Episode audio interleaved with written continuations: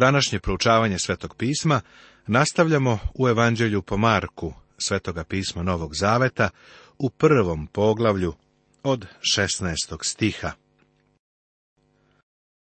Marko zahvata širu oblast, jer carstvo Božije sadrži ceo svemir sa svim njegovim stvorenjima.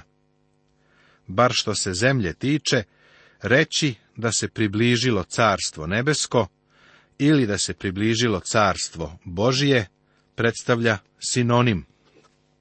Ali carstvo Božje će uključivati oblasti izvan zemlje, dok carstvo nebesko znači vladavinu neba nad zemljom.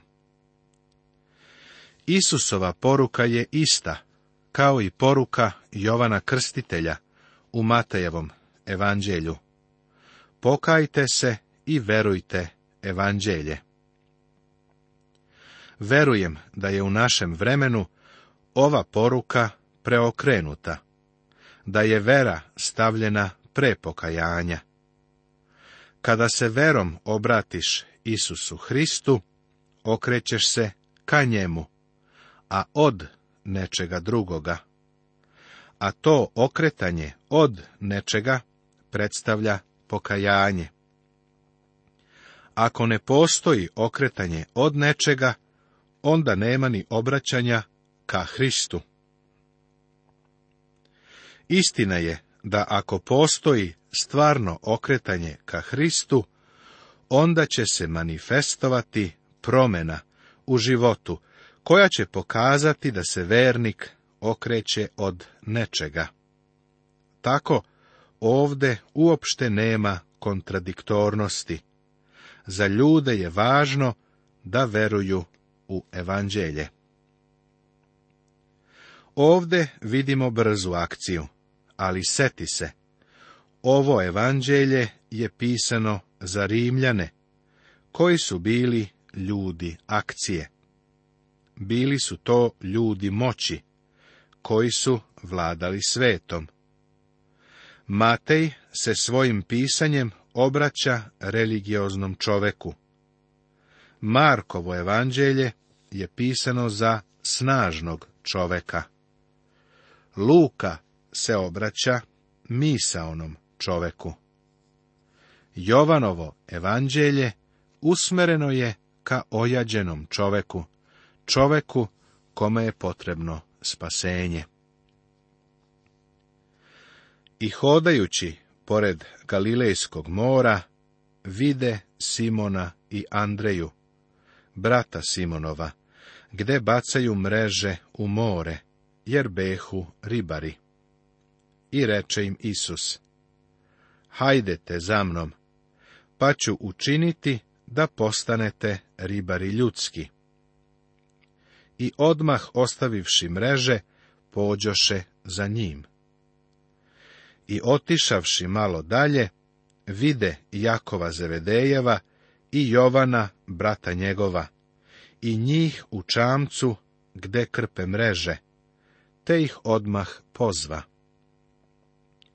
I ostaviše oca svoga Zevedeja u čamcu sa najamnicima, pa odoše za njim.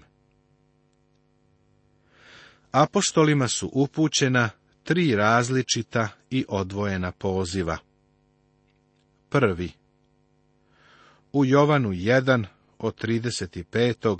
do 51. stiha piše da kada je on otišao u Jerusalim, da je sreo te ljude i uputio im opšti poziv, neformalan i slučajan.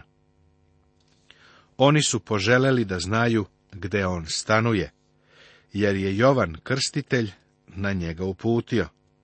Pa su neki od Jovanovih učenika krenuli za njim. Ali nisu ostali sa njim. U tom momentu on to od njih nije tražio. Vratili su se ribolovu u Galileji. Sada ovdje u Markovom evanđelju vidimo da na početku svoje službe Isus hoda pored mora i pronalazi učenike koji love ribu, pa ih poziva da budu njegovi učenici. Oni treba da postanu lovci ljudi. Međutim, u Luki u petom poglavlju vidimo da su se oni ponovo vratili ribolovu. Treći poziv. Posljednji poziv je bio poziv na apostolstvo. U Marku u trećem poglavlju, u Mateju u desetom i u Luki u šestom je ovo zabeleženo. Vratili su se ribolovu, a Simon Petar je rekao Isusu, Idi od mene, gospode, jer sam grešan čovek. On u stvari govori, zašto ne odeš i ne nađeš nekoga drugog. Ostavi me na miru, jer sam te izneverio. Ja sam grešan čovek. Ali gospod nije odustao od njega. Hvala Bogu za to. Gospod je došao kod njih treći put i postavio ih je za apostole. I dođoše u Kafarnaum i odmah u subotu, ušavši u sinagogu, učaše. Setit ćeš se da kada su ga religiozne vođe pitale o onome što je uradio u subotu, on je vrlo jasno rekao, Otac moj stalno radi, pa radim i ja. Videćemo da on nije radio osmočasovno radno vreme. Ne drema i ne spava čuvar Izraeljev, piše u psalmu 121. Subota počinje rano ujutro, kada je on ušao u sinagogu i učio. Ova sinagoga u Kafarnaumu nije bila središte vitalnog religijskog života toga doba.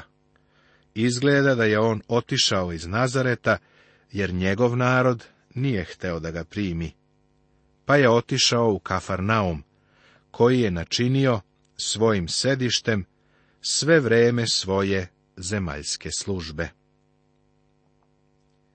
I divljahu se njegovoj nauci, jer ih učaše kao onaj koji ima vlast, a ne kao književnici. Ovde vidimo efekat koji proizvodi sila istine i stav ovoga čoveka. Kritika usmerena crkvi i sveštenicima danas ne govori se sa autoritetom.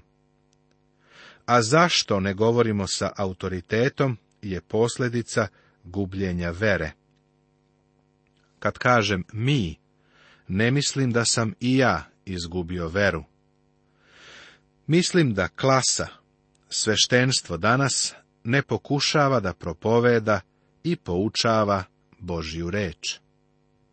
Postoji odvajanje od istine i ogromno račvanje na potezu propovedaonica Božja reč.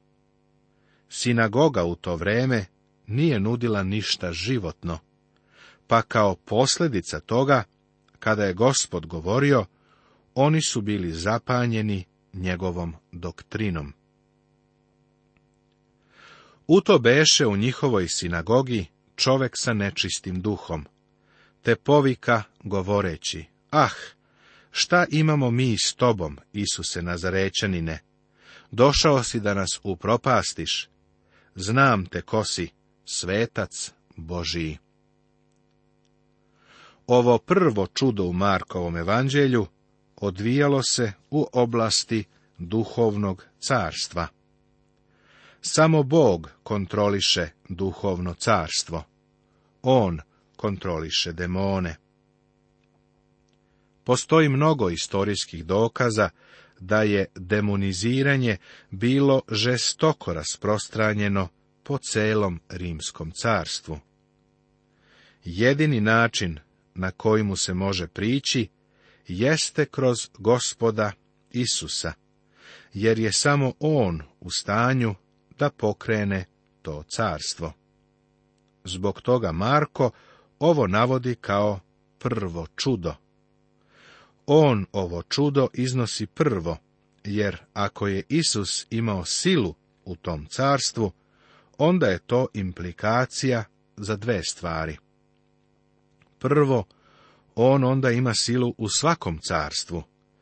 I drugo, samo Bog može tako nešto da uradi bio je to deo dokaza njegove verodostojnosti. Vidiš, on je imao silu i autoritet. Poučavao ih je kao onaj koji ima autoritet, a sada pokazuje da ima i silu. Ako si svestan onoga što se danas odvija u našem savremenom društvu, onda shvataš da je obožavanje Sotone postalo vrlo istaknuto. Danas se dešavaju stvari u oblasti okultizma, koje je moguće objasniti jedino na osnovu toga da su sotonske i da su nadprirodne. Razumski ne možeš objasniti zašto mladi ljudi napuštaju svoje porodice u kojima su bili voljeni pridružuju se lutajućim bandama, a onda odlaze i ubijaju. Ovo deluje neverovatno. Ovo je sotonska stvar, prijatelju. A ako se sve to nastavi, tek ćemo vidjeti pravu demonsku opsednutost. Hrišćanski prijatelju, postoji samo jedan način da se ovo reši a to je u ime gospoda Isusa Hrista. Samo on može da kontroliše demone. Ovo je prvo čudo dato u Markovom evanđelju. I zapreti mu Isus, umukni i iziđi iz njega. I istrza ga nečisti duh, povika veoma glasno i iziđe iz njega i svi se zaprepastiše, tako da su pitali jedan drugoga, govoreći, šta je ovo? Nova nauka, puna sile. Zapoveda i nečistim duhovima i pokoravaju mu se. Zapazi, prijatelju, on pokazuje svoju silu i svoj autoritet u svom učenju i kroz čuda, a oni to ne razumeju on posjeduje autoritet koji oni ne uspevaju da shvate. I odmah se raširi glas o njemu na sve strane po svoj okolini Galilejskoj.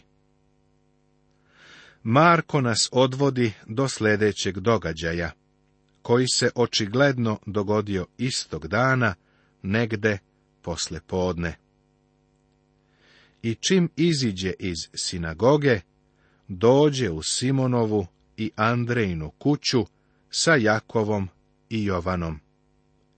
A Simonova tašta ležaše u groznici i odmah mu kazaše za nju.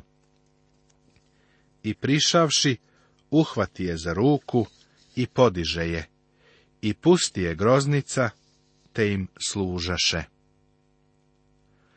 Evo drugog čuda koje je on učinio istoga dana. A onda ga sledimo ka večeri istoga dana. A uveče, kad sunce zađe, donošahu mu sve bolesnike i besomučne. Za besomučne u drugim prevodima piše opsednute demonima. Postoji jedan đavo, to je Sotona, ali ima mnogo demona, kao što ćemo vidjeti. I sav grad beše okupljen kod vrata i izleči mnoge koji su patili od različitih bolesti i izagna mnoge demone i ne dozvoljavaše demonima da govore, jer su ga znali.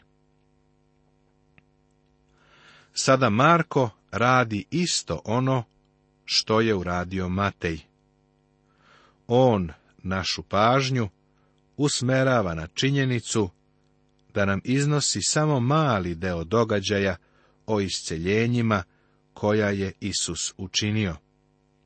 On je doslovno stotine i stotine ljudi iscelio, ali je zabeležen samo mali broj događaja i to radi nas.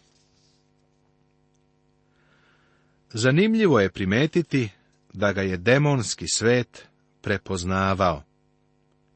Oni su znali i verovali u to ko je on, pa ipak nisu bili spaseni, naravno. Prošli smo sa njim ovaj naporan dan, pa bi pomislio da posle tako iscrpljujuće subote on spava do kasno sljedećeg jutra ali ovako čitamo. A ujutro, dok je još bilo sasvim mračno, usta, iziđe i ode u pusto mesto, te se onde moljaše. Pretpostavio bi da će se nakon naporne subote on u nedelju odmarati. Znam mnogo propovednika koji uzimaju slobodan ponedeljak nakon naporne nedelje. Ne krivim ih zbog toga. I sam sam nekada to radio, ali sada već dosta godina to ne činim. Tako, vidimo kako Isus ustaje rano ujutro, da bi otišao na usamljeno mesto da se pomoli. Kakva je samo ovo pouka za nas? I požuri za njim Simon sa svojim društvom. I našavši ga, rekoše mu, svi te traže. I reče im, hajdemo drugde u obližnja mesta, da i tamo propovedam, jer za to iziđoh. I dođe, propovedajući u njihovim sinagogama po svoj Galileji i izgoneći demone.